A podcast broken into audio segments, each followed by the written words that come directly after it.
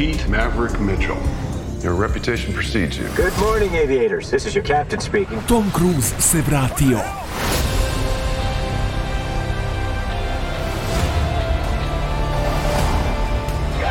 Top Gun Maverick u bioskopima od 25. maja. Ćao svima, dobro nam došli u novo izdanje Lab 76. Ovoga puta imamo hard specijal, imamo hard enduro specijal zapravo.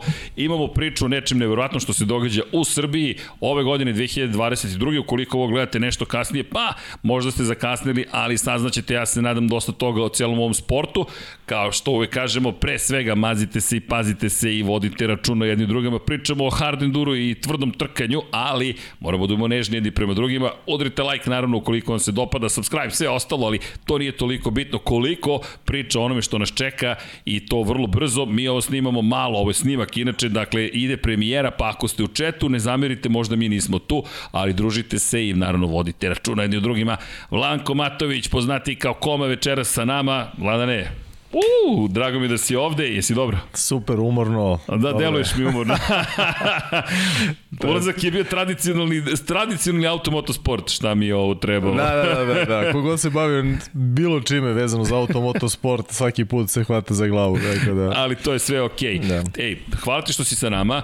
Mi smo, ovo vam je inače neplaćena promocija. Ako ste videli reklamu za Mavericka, za Top Gun Maverick, to je zato što je to plaćena promocija, ali ovo je neplaćena promocija. Čisto da se razumemo, niko nije platio da bi Vladan ovde sedeo, niko nije platio da bi sedeo još neko specijalni gost, Graham Jarvis, jedan od najboljih vozača svih vremena, ako ne i najbolji, koga smo snimili pre par nedelja kad je bila, kad je bila jedina prilika da ga snimimo i to smo iskoristili sada malo u našem vreme plovo idemo napred, nazad, vidjet ćete, nas trojica smo se ispričali, ja se nadam da ćete u tome uživati, imaćete lepo i prevod i sve ostalo, ali ono što je, ako slučajno prevod nije urađen, to znači da stiže kao CC ili ti closed captions, tako da, nadam se da ćete uživati u izdanju, svašta smo pripremili, no činjenica da je ovo događaj i zašto vam, na, kažem, eksplicitno nije plaćena promocija? Zato što ljudi, Lab 76, Vladan, Vanja, svi koji smo ovde, ekipa je tamo u magičnoj sobi, Deki, pa i svi ostali, pre svega volimo automotosport. Druga stvar, svetsko prvenstvo u jednoj disciplini motociklizma je stiglo u Srbiju.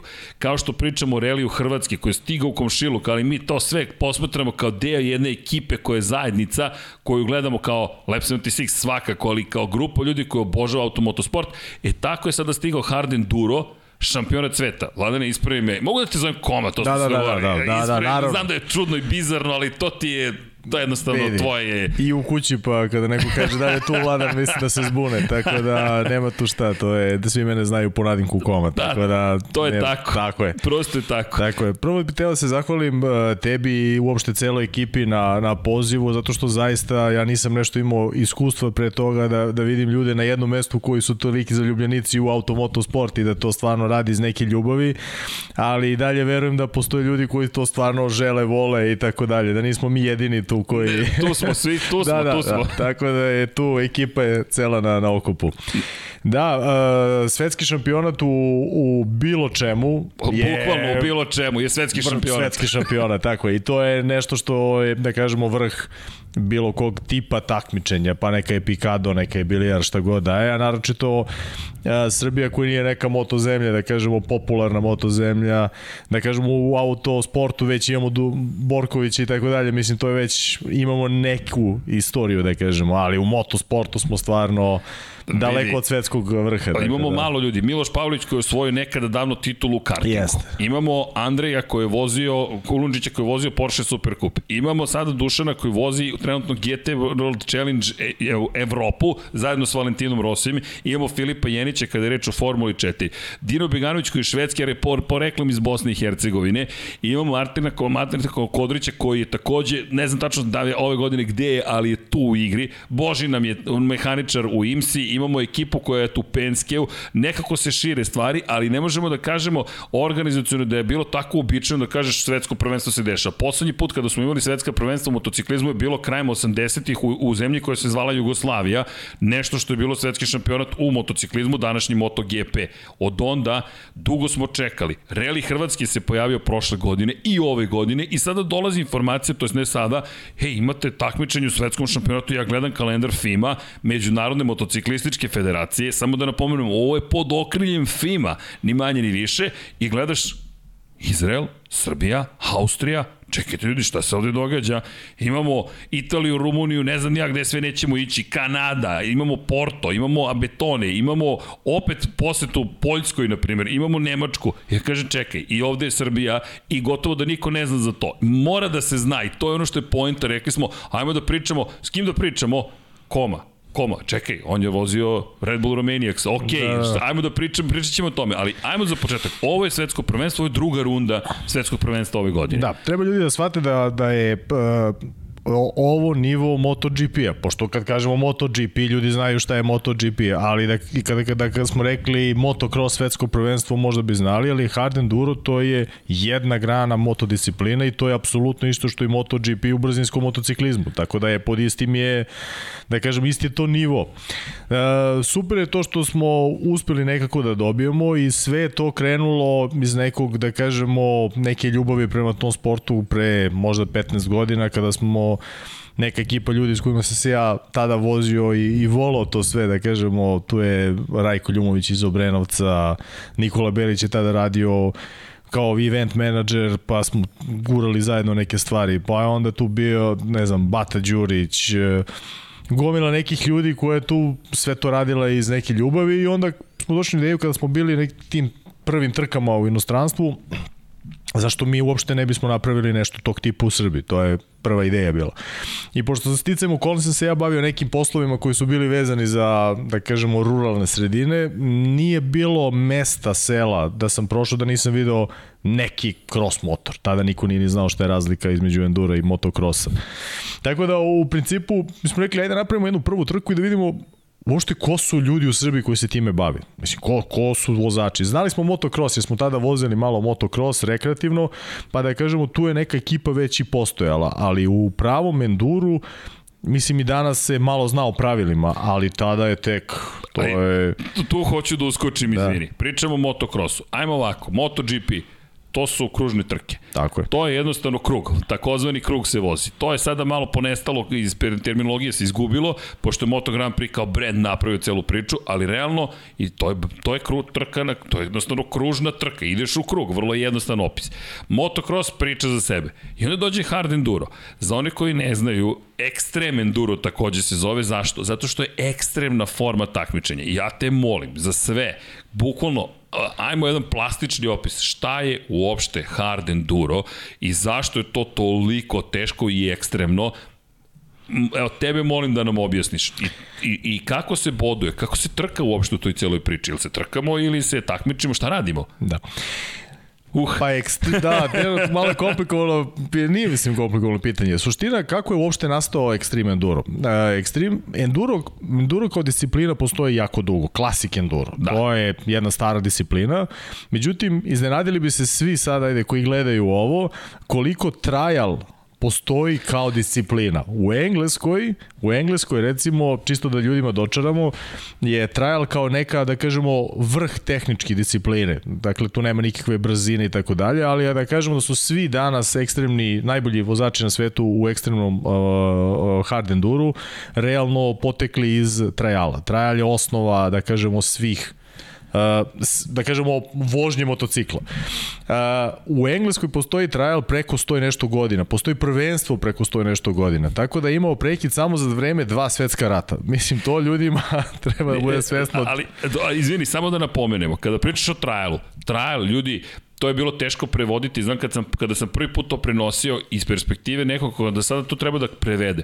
Trial je trial, ali to su zapravo izazovi, to su prepreke, to su stvari koje ti moraš da... Ajde, prepreke su možda najpribližniji opis koji sam bio našao. Inače, za, za čisto informativno, 1964 su prvi put počeli da se organizuju svetska prvenstva i to napolju. Mi imamo i dvoranska prvenstva i imamo klasična prvenstva. Mi pričamo o tome da ti, tu pričamo govorimo o legendama ovoga sporta. Spominjali smo neki od njih, ali ajmo da krenemo od ovih mlađih. Tony Bow, Adam Raga, ljudi, to su nestvarni vozači. Ne samo što su nestvarni, nego uh, ekstremni enduro je poteko uh, kada su ti trial vozači bili na zalasku svoje karijere i onda su prešli na regularne enduro motocikle i počeli te iste stvari da rade na enduro motociklima. I oni su jednostavno toliko, uh, da kažemo, pokrenuli uopšte tu javnost e, koje i uopšte ljude vezane za, za vožnju off-road motociklizma da su svi gledali recimo nekog Grema koji je prvi počeo da, iz, da, da izbacuje takve snimke i bilo je sve jo da je ovo moguće. Mislim danas je to neki standard, ali pre 15-20 godina je to Kad bilo je jednostavno sve. kada je sve to kretalo. Tako da je nastao taj uh, jednostavno onda se da kažemo taj prelaz sa trajala na na na na extreme enduro je imao i uh, posledicu za praćenje neki stvari kao što su brzina koju su morali da dobiju sa motokrosa, jer definitivno je motocross bio off-road motociklizam koji je davao brzinu vozačima, tako da su, to je nastalo kao spoj motocrossa, klasik endura i trajala kao najbitnije, da kažemo, karike u, u tom delu. Tako da je na kraju Extreme Enduro vožnja po nepristupačnim terenima, u prirodi. Možemo to nazvati kozim stazama, mada na nekim delovima je sigurno se bolje popenju oni motorima nego mi peške, tako da je vrlo je onako specifično. Jako interesantno za gledanje, za publiku, jer prosečni gledoci jednostavno koji voze drumski, ajde da kažemo motociklu, uopšte ne mogu da zamisle šta može da se izvede sa nekim enduro motociklom. Tako da je to nastao kao spoj svih da kažemo pa kao spoj te tri neke glavne discipline, motocross, trial i classic enduro. Uh, kada govorimo o bodovanju i uopšte kako se to uh, kako se uopšte sabira, mi imamo neki Extreme Enduro je u stvari dobar zato što je mogo da pruži ljudima raznovrsnost to je isto bila prednost jedna, jer vi u klasik, da kažem u brzinskom motociklizmu, u kružnom, vi znate su to neki krugovi, a ovde je data sloboda ljudima u redu, mogu da budu krugovi, može da bude rally format, može da bude uh, etape, može da bude Uh, jedan krug i ne znam neki prolog. Tako da je to ta raznovrsnost je bila e, jako interesantna za publiku i možemo da kažemo da je to po, po društvenim mrežama, da kažemo da je Extreme Enduro jedan od najposećenijih kanala. Pa kad pogledaš ove scene i kada vidiš šta da, se da. događa, ti si u prirodi na motociklu. Ko voli motocikle zna o čemu pričamo. Miris ispod kacige kad voziš motocikl, koliko god automobili sjajni za milion nekih stvari, m, teško ćeš ovde doći s, s automobilom ili ćeš Tako. pokušavati ovakve stvari. Ovo ste ti i tvoj prijatelj, prijateljica, sad ako devojke gledaju ovo, ima dama koje takođe voze, i sve ih je više i više puna podrška iz, od, od ove ekipe, moraš zajedno sa svojim najboljim prijateljem da se izboriš sa preprekom koja je pred tobom, sa ovim terenom koji ti je glavni izazov. Naravno da su tu ljudi koji će ti pomoći, ali ovo je sve neka romantika. Pa, ko voli da uživa u tim nekim mučenjima, da. super je sport. Onda je to ta, ta teška sadomaza da, da, romantika. Da, da, da. da. ali, ali ovo je meni fenomenalno, vidi, to je čisto, ovo je opet nekako oni čuveni grassroot momenti, ali ovo je ozbiljno, ovo nije klasičan grassroot, ovo je svetsko prvenstvo. Mi ovde pričamo nečem što će se događati na najvišem mogućem nivou. Čisto da uradimo nešto što mislim da je mnogo važno. 18. 19. 20. 21. maj 2022. je takmičenje. I sad, mi pričamo o čemu? Zlatibor, Mokra Gora, Tara, to će biti fenomenalno. Međutim, negde ćete se skupiti za početak, znamo ti i ja, ali da najavimo, prolog je kada? Sreda, Prolog je sreda, E, imamo prvo svečano otvaranje, pošto naravno svetski kup moramo da otvorimo naravno, nekako, ne naravno. možemo baš da pustimo ljude bez zastava i svega kako ide ceremonije. Kako dolikuje. Je, zato što svi koji su učesnici svetskog kupa lepo je da predstave svoju zemlju, da mislim to je ponos svakog takmičara da ide sa svojom zastavom. Tako da svečano otvaranje ćemo napraviti u sredu 18. maja u 9.30 na centralnom trgu na Zlatiboru.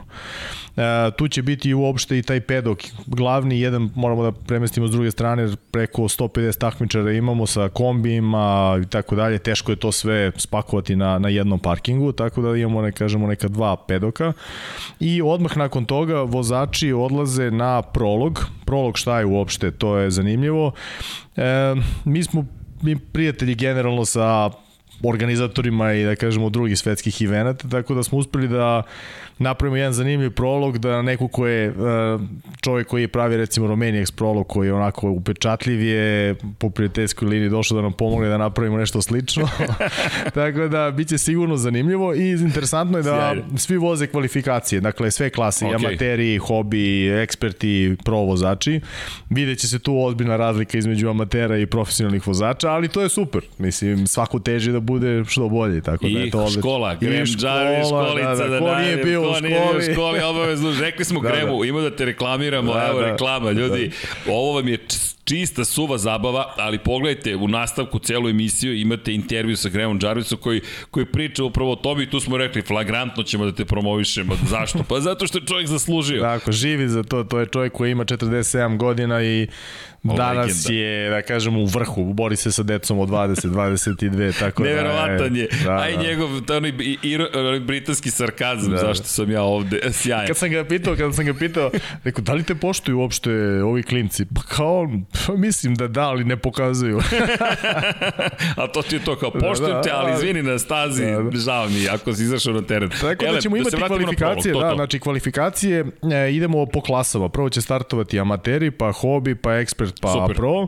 A, svi će prolaziti tu trasu, da kažemo, to su pravimo kao paralel Uh, paralel prolog, znači takmičar ideje da se na kraju takmiče 1 na 1. Jasno. A, ali će u prvoj toj kvalifikaciji ići u jednom smeru i možda u drugom, merit će im se vreme i nakon toga kada se sve to izmeri, uh, 16 najboljih ulazi u finalnu, da kažemo, vožnju i tu idemo onda na ispadanje 1 Osmina na 1, finala, osmina prvi finale, osmim, tako drugi je, sa sedmim je. i to, okej. Tako je, tako da um, u principu očekuje se opet ta finala u, u finala u da kažemo svim klasama i na kraju od 5 do 6 uveče biće finale pro klase.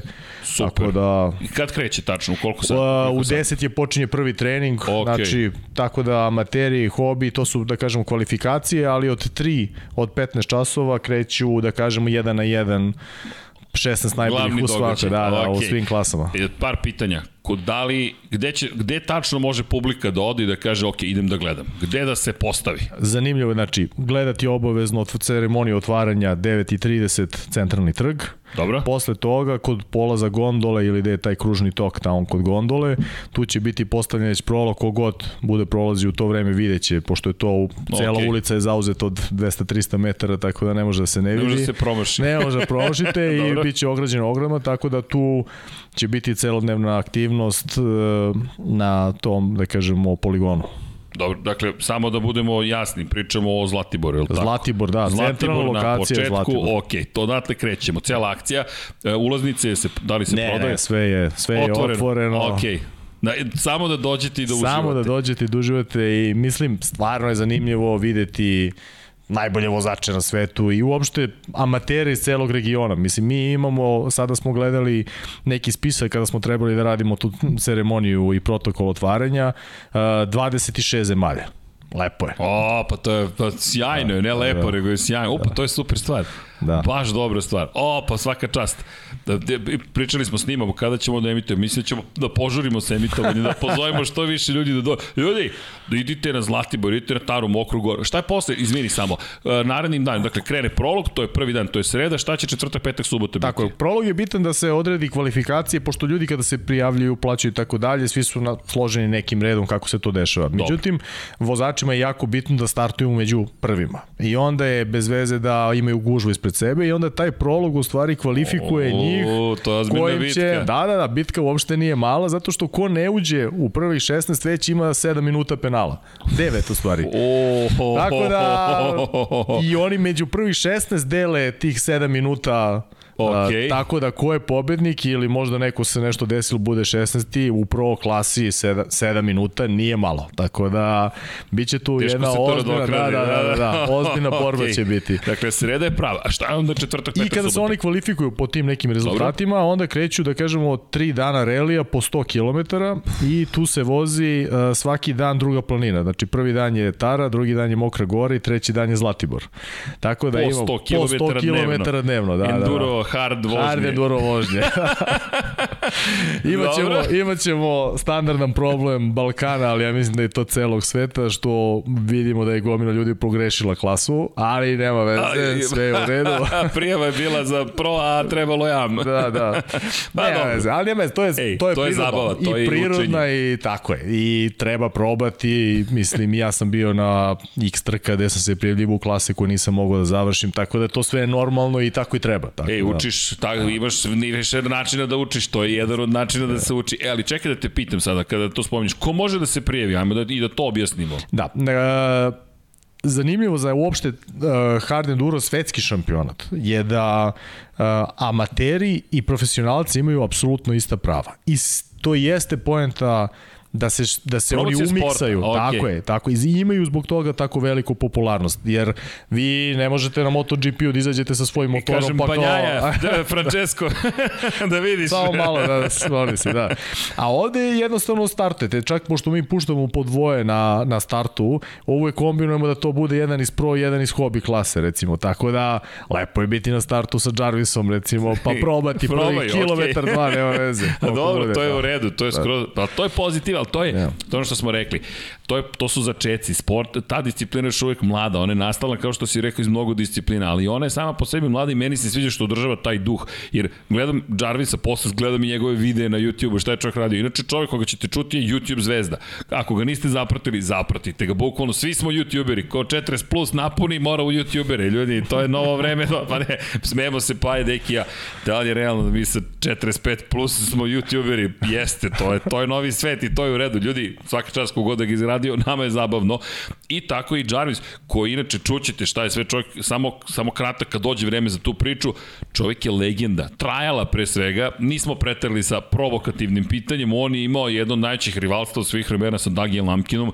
to je masakr, bukvalno da. između njih dvojice, ali to, to oni su sad u nekim drugim godinama, u drugoj fazi. Jarvis je pritom ostvaren na neki drugi način. Lepo ga je bilo vidjeti, pri čemu je bio preumoran. Ljudi, posle, ja mislim da je u 6.30 krenuo tog dana kada smo ga snimali, došao kod nas oko 3 popodne, ja mislim. Ja sam rekao, Grem, danas ideš sa mnom i I to je to. Čuti.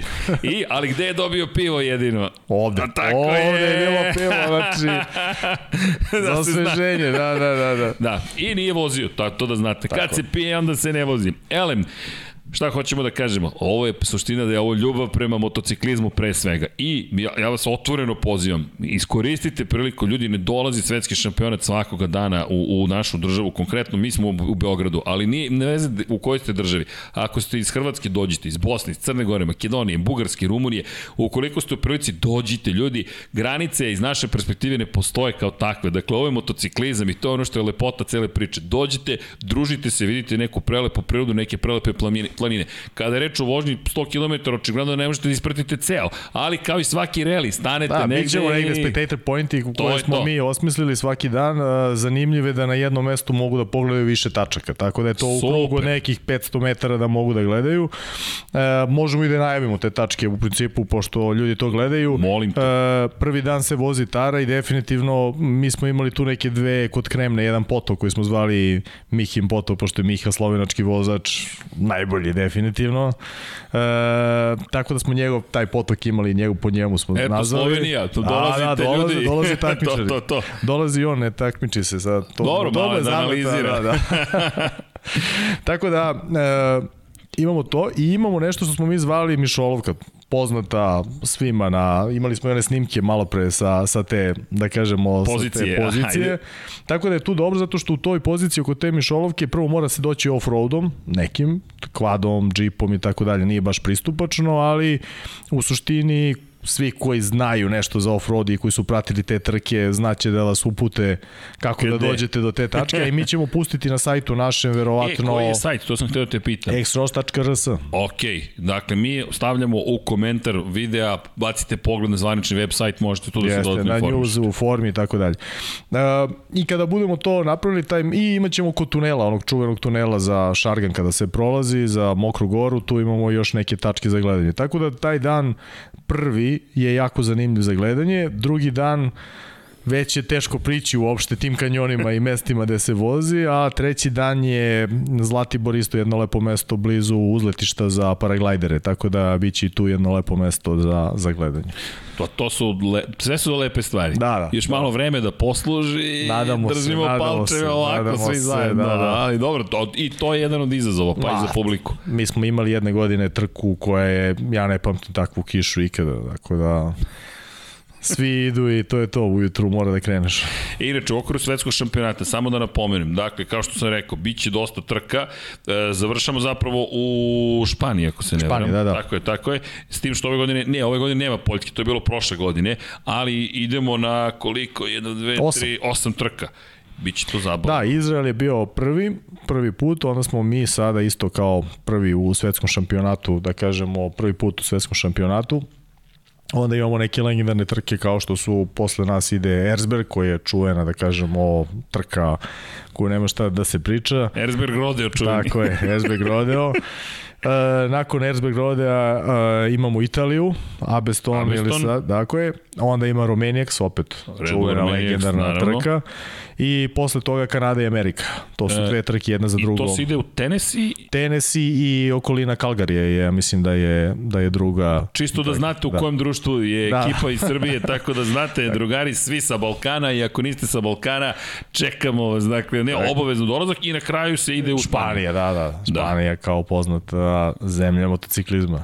vidi sa celom ne, ljudi Španija i Italija da li zaista mislite da neće biti Španija i Italija nemoguće Red Bull Romanijek stoji u Rumuniji to je ljudi kultno mesto Austrija takođe po nekim pitanjima da. mo- možda nije do, ne, ponekad dovoljno istaknuto koliko je motociklizam velik u Austriji U Austriji, recimo na Erzberg Rodeu, bude oko 2000 prijavljenih takmičara ne to je koji voze prolog da bi pokušavaju da uđu u 500. Ali da pokušavaju, da, da, meni je da, nevjerojatno, da. to je ozbiljan test, ljudi, oni jed- ne, ne stignu do kraja, Da- da- ne, Pa jedne godine su uspeli da završe tako što su se profesionalni vozači izvukli međusobno i bili zajedno su ušli u cilj. Pošto nisu znali Nisu ko će biti. će. Da, da, i onda su ušli njih petorica zajedno A, i rekli u redu, svi, svi imamo pobedu jednu. Dakle, da. A, fantazija, ali, ali to su lepe stvari i to je, zato i najavljamo ovoliko i trudimo se neko da pove, podignemo svest o tome, to je čudno, da podignemo svest o nečemu. Ne ljudi, da podignemo ljubav prema nečemu i emocije, to je ono što je bitno i i, kažem, kada smo čuli prošle godine, pa Srbija je dobila svetsko Molim, ne mogu, ne, nije nemoguće, znamo da se desilo, ali prvo svaka ti čast. Hvala, hvala. Ne, ozbiljno, ovo je na lično profesionalnom nivou i na ličnom nivou. Znamo koliko moraš da se žrtvuješ, baš komentarišemo. Čuvena izjava Edija Jordana. Ako hoćeš da postaneš milioner u automotosportu, počni kao milijarder.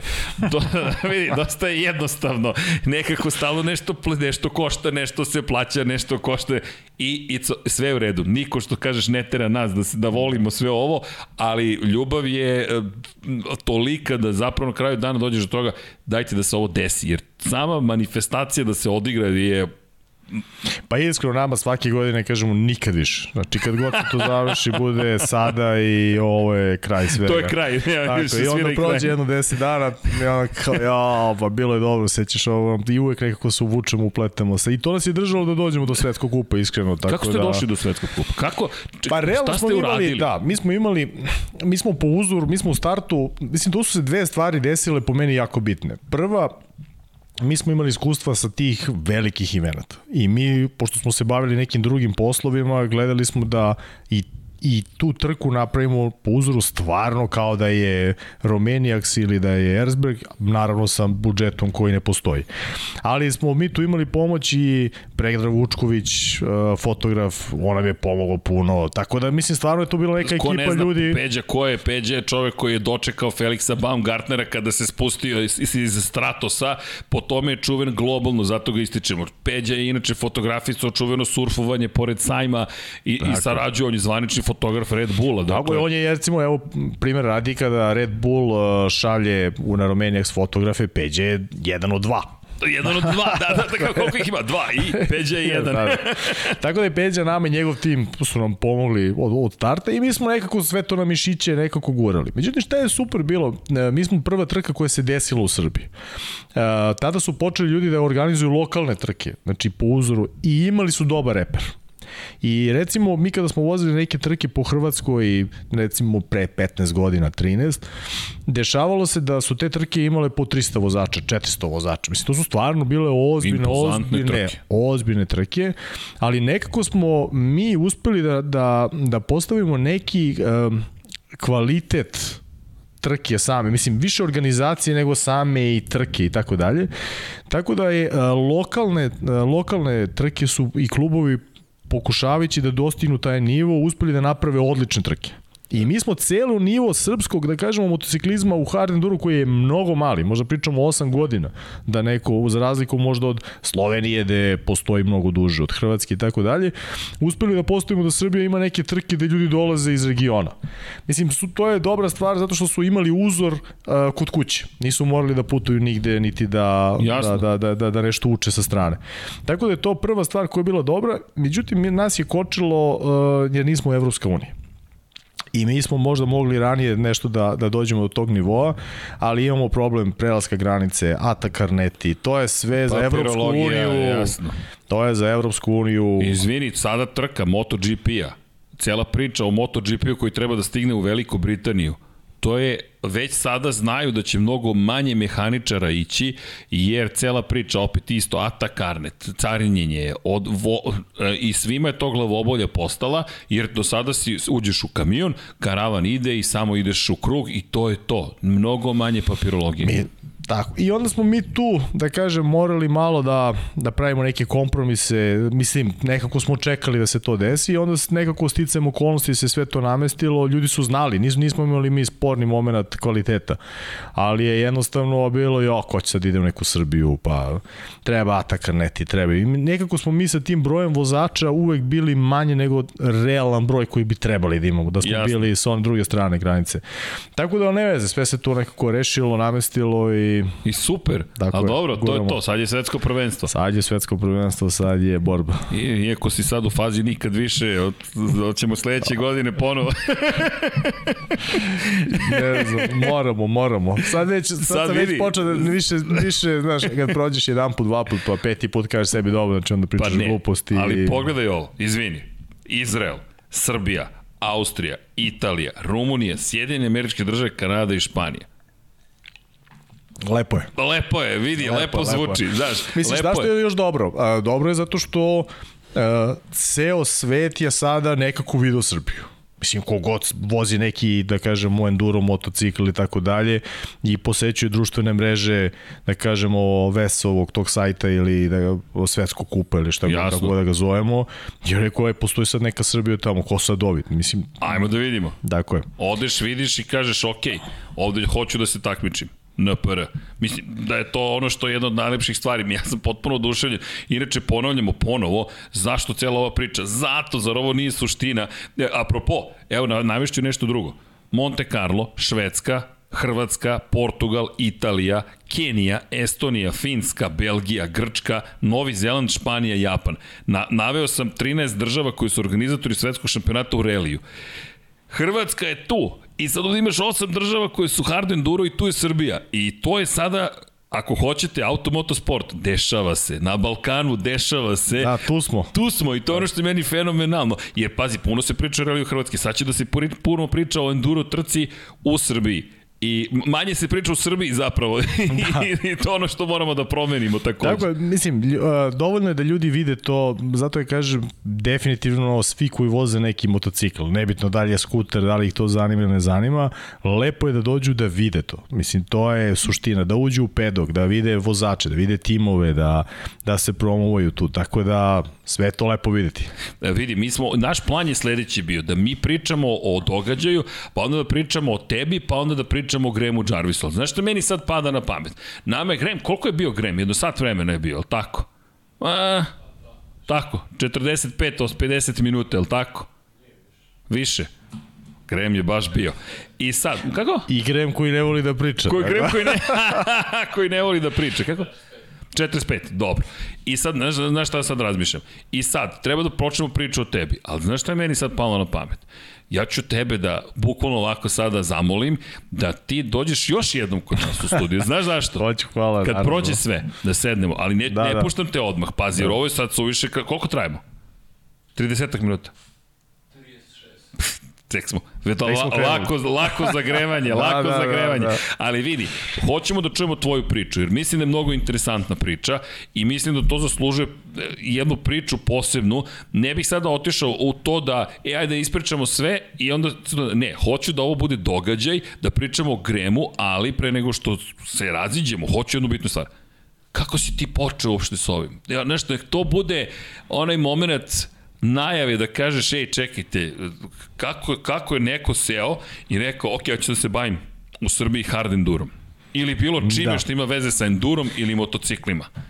Uf, Ja mislim da je to moraš da si nekako dugo u tom nekom svetu, ne mora da bude baš motociklizam. Mislim, ja sam dugo u gorskoj službi spašavanja.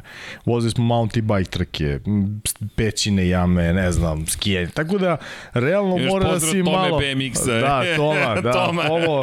Tomo, gde si Tomo, vidimo se gore, da. Toma, koji je isto Toma je- se opekao sa svojim projektom. Toma je, ne, ali Toma koji je bio i pričamo nešto kao, Erceg, bio sam sada na planini i bilo je super. i bio- Toma se isto opekao, znači I- dobro. da, ali to da, je to, ali ne, a to je cela ekipa u suštini. Jeste i tako smo se mi svi nešto i upoznali i bilo je tada Toma dok je držao tu ATV stazu, to mora da kažemo, mislim Toma je čovjek koji je postavio neke standarde u, u, u tom ATV-u kada se pojavio uh, u Srbiji, znači u BMX-u, u mnogim drugim stvarima. Tako da je to neka ekipa ljudi koje smo se nešto privatno znali. I onda je neko vozio motocross, neko je vozio ove kvadove, neko je počeo s ovim, nismo putovali enduro motore vozili. Nekako se sve to umiksalo da smo mi rešili nekako da vozimo. I mislim, moram da kažem sada, Rajko je moj veliki prijatelj, on je bio tada onako već ozbiljan i u motocrossu i onda smo, ja sa njim počeo da, da, da vozim. I nekako smo, eto tako, malo motocross, ja realno za svaka ta povreda nekako iziskuje puno odmora i, i onda smo rekli, ma daj nije ovo, daj da krenemo mi malo. I onda smo počeli se vozimo po prirodi, što više, tražili terene, Taru, tražili smo Frušku goru, sve živo smo tražili u to vreme. I neko sam je došao na ideju i rekao nešto, daj moramo pomerimo malo granice, ne možemo, sad se vozimo mi tu u lokalu. Mislim, idemo, gde će da idemo? Pa idemo, rekao, na Erzberg i na Romenijak. Sam rekli, ma daj, kao, gde ćemo, na Romenijak? ja sam rekao, ok, mi smo to onda rešili, stvarno smo otišli. I bilo je malo sporno, tada nije bilo uh, sport u to vreme, ne znam koliko ljudi pamte, ali ti nisi mogao da nađeš informacije koje danas nalaziš tako lako. Ja se sećam, mi, naš prvi odlazak je uh, odlazak takav da mi ne znamo šta je mus koji se stavlja u gumu, mi ne znamo kako se to menja, ne znamo uopšte koje gume postoje, mislim, ne, ne znaš Dobro, kako ćeš ništa, da naučiš? tako. I onda smo mi otišli i rekli, e, u redu, ajde sada Korak da vidimo kojim ćemo redom. Tako da je teško bilo u početku, ali ta iskustva smo uspeli da da prebacimo. Sada je mnogo lakše sve, imaš YouTube, nađeš šta ti treba, i sport je sada na nivou koji, da kažemo, toliko ima i kanala koji se bave time i tako dalje. Tada nije bilo apsolutno ničega. Tako da eto, tako smo krenuli na, što se kaže, na ludost. Na ludost, bukvalno. Da, da. Ne, vidi, jer ja evo sad tražim, na primjer, neke stvari sa, sa Red Bull Romaniacs da, da prikažemo ljudima kako zapravo to suštinski izgleda. Jer ti kada pogledaš, kada pogledaš šta se, šta se tamo radi, to je potpuno neka druga priča. Ne samo to, dakle ovo što je hard enduro, ovo što ćete vi da uradite je zapravo nešto što će, ja se nadam i sport učiniti još popularnim. Ono što si lepo rekao, amateri, možete da se prijavite, ljudi. Tako je, mi uvek pravimo, uh, pravili smo do sada tri klase, to je bilo zanimljivo zato što uh, u tri klase smo stavljali pro nazovi balkanske vozače, najbolje vozače s Balkana, jer mi nismo imali svetsku elitu. Mislim, mi smo imali svake godine smo pokušavali da dovedemo nekoga ko je svetski top vozač i koji održi neku školu da edukujemo ljude, jer ta edukacija je stvarno neophodna. Mislim, bez edukacije nema napretka. To, iako mi svi mislimo da sve znamo i da smo bogom dani, ali definitivno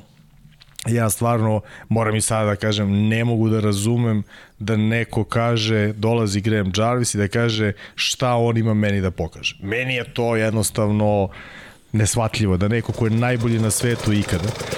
Tako da, da, ovo je bilo kad, da, sa Grahamove škole kada smo uh, bili pa ovo su da kažemo pokušaj. Šta Gren ima da vas nauči? Da, da, to su bili pokušaj. Dosta toga, ja da, bih da, rekao. Da, da. Biće zanimljivo, tako da šta smo shvatili, da, kad je recimo Graham držao školu, shvatili smo da niko ne zna da uradi ni jednu vežbu iz osnova. Znači, to je bilo ovde shvatio. Da ti kao trčiš, a ne znaš da hodaš. To je, to je, Aha, to je i tu je, i tu je onda moment gde ti shvatiš da apsolutno nema napretka.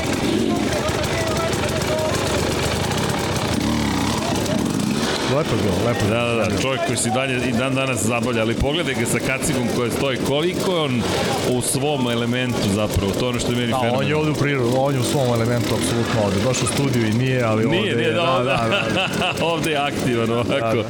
krajnje aktivan. E, kada već pričamo o Jarvisu, znaš šta bih ja sad uradio? Ljudi, ovaj gospodin koga gledate je legenda. Pa, gledajte, Graham Jarvis je vozač koji ne postoji trka koji nije pobedio.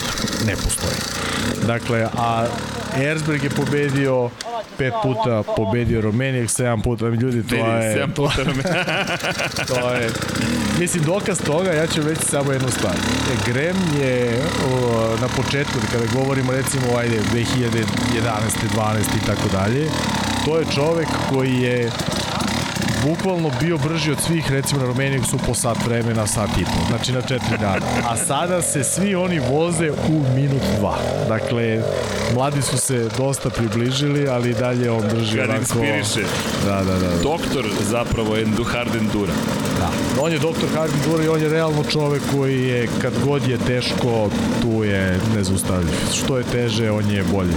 Da, da, i djelovo je tako, ali nemojte da verujete nama, mi ćemo lagano da vas pustimo da čujete gospodina Jarvisa, pa se mi vraćamo da ispričamo šta još imamo da vam kažemo o Hardenduru, naravno da je ovo sad onaj teaser, kao šta još imamo da kažemo, ko zna šta još imamo da kažemo, ali ono što znamo, gospodin Jarvis i tekako ima mnogo toga da kaže. Imamo Lina Jarvisa u MotoGP u Hardenduru, imamo Grema Jarvisa i vidite ga upravo sa kacigom koja ovako stoji kako drži predavanje, ali ovde nama nije nužno držao predavanje. Ajde ovaj da pogledamo, ovo je bilo lepo, ali je čovek koji je rekao mnogo toga zanimljivog i ja se nadam da će biti još prilike da, da pričamo sa njim, ali mislim da je već ono što ispričao praktično suvo zlato. Jedino što bismo volili da, da, da, da sa njim još samo vozimo, Eto, to je sve. Pa da, znači dođete na trku i startujete zajedno sa njim. To ti tako kažem, da. da. U amater, amaterskoj klasi. Amater, amater. Da, ja moram samo da kažem, vezano za trke, mi moramo ljudima da, da razbijemo, da kažemo, neku ideju šta su trke. Dakle,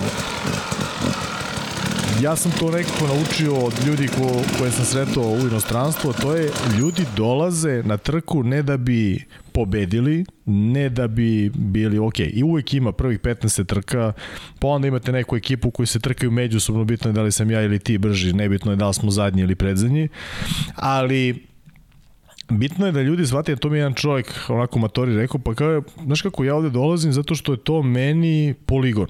Dakle, meni je to organizovan vikend, sve sam na sigurnom, imam neku označenu stazu, imam neko, neku redarsku službu i ako mi se nešto desi, postoji neka hitna pomoć, gorska služba, sanitet i tako dalje.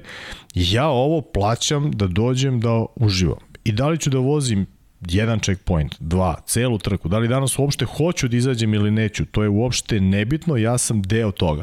Tako da mi moramo da shvatimo da trkanje, kada vidite recimo Graham Jarvisa, nema mi šta sa njim da se trkamo. Mi smo mnogo daleko, svetlosnim godinama smo daleko, ali a, lepo je doći i izabrati klasu koja tebi odgovara i samo učestvovati. Ako možeš, daćeš svoj maksimum, to je normalno i prirodno da ćeš dati svoj maksimum. Ali to uopšte nije poenta ako sam ja 15 i ja neću da se takmičim. Mislim, treba to shvatiti da je to uživanje i da je to zabava, a ne da smo mi nekakvi profesionalci, jer taj sport kod nas postoji 7 godina, 8. Da kažemo, da se neko razume. Da, da budemo sport. jasni, samo 7 godina. Samo. Dakle, mi govorimo o periodu koji je mikroperiod zapravo kada posmatramo neke druge stvari u kontekstu toga da mi pričamo sada o, o sportovima koji su decenijama ovde oformljeni, šampionski, da ne poredim sa klasičnim košarkom, nacionalnim sportom ili nečim sličnim. Da ne poredimo mlado. sa Engleskom, gde taj šampionat postoji 110 godina. Dakle, mnogo smo, gde, gde su nekada bili šampioni sveta deda, otac pa sin, kao kod Lampkinga što je bio slučaj. Tako da, ljudi treba da shvatite jednu stvar, to je zabava, druženje, upoznaćete nove ljude, nešto ćete sigurno naučiti novo, videti, steći neke nova prijateljstva, to je, to je enduro trka. Enduro trka nije samo štoperica, naročito u, kada govorimo o ekstremnom Samo enduro. polako, zato što Tako jeste je. ekstremno. Tako. I, I napominjem, to može da bude i naravno opasno, koliko god da ste bezbedni, ali ekstrem treba da vas, da izva, vas izvuče maksimum i da kažete, ok, ajde da vidimo šta ja sve mogu, da li možete da naučite, o, o i tekako imate od koga da naučite, ali poslušajte šta ima da kaže gospodin Jarvis i vraćamo se na dvojica malo filmske magije u studiju na kraju univerzuma, idemo kroz vreme, pa sada da čujete Jarvisa, gospodin Graham Jarvis, gospodin Koma takođe bio tu samo s druge strane stola.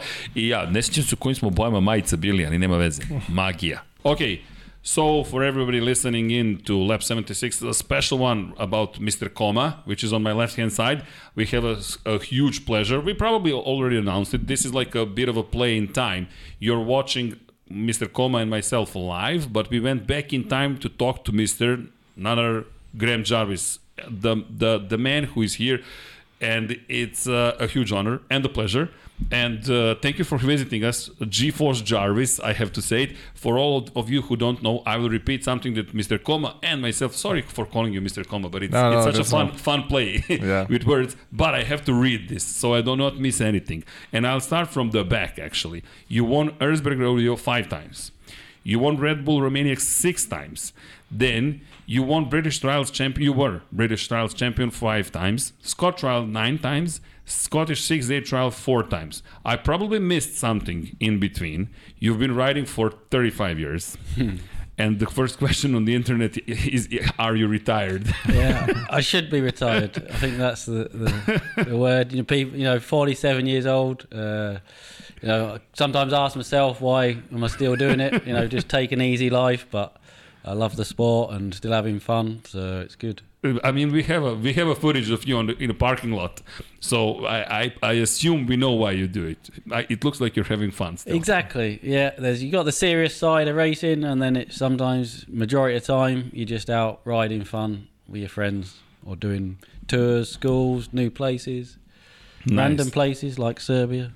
Yeah. How do you like it so far? It's cool. It's cool. Although this is your tenth interview today. yeah, we've done some good promotion today. Uh, hopefully, I'm more famous in Serbia now. But yeah, what I've seen, it's really good. You know, people are enthusiastic about bikes, which is the f- most important thing. And then you've got some cool riding as well, some freedom to ride, which is unusual. Uh, you know, it's Yeah. getting more restrictive a lot of places. So, you know, it's got a good future. I'm coming back. I'm Uh, coming uh, back. Okay. well, you look relaxed. Are you always this relaxed? No, no. I'm uh, normally well. I'm relaxed on the outside. I've got a bit of a poker face sometimes. You know, on the inside, I'm, I'm a little bit stressed out. They call you a beer helps. Yeah, well, you know, the, you, you should feel at home. That that's the whole idea of the the concept of our studio. We call it, by the way, the studio at the end of the universe, based on the Douglas Adams book. You know, because we made the studio a month before COVID hit. So, and my brother said, "You're the only person making a studio while the world, world is burning." And I'm like, "Well." You know, if it's the end, let it, let's finish it properly. so yeah, it it has a it has a history.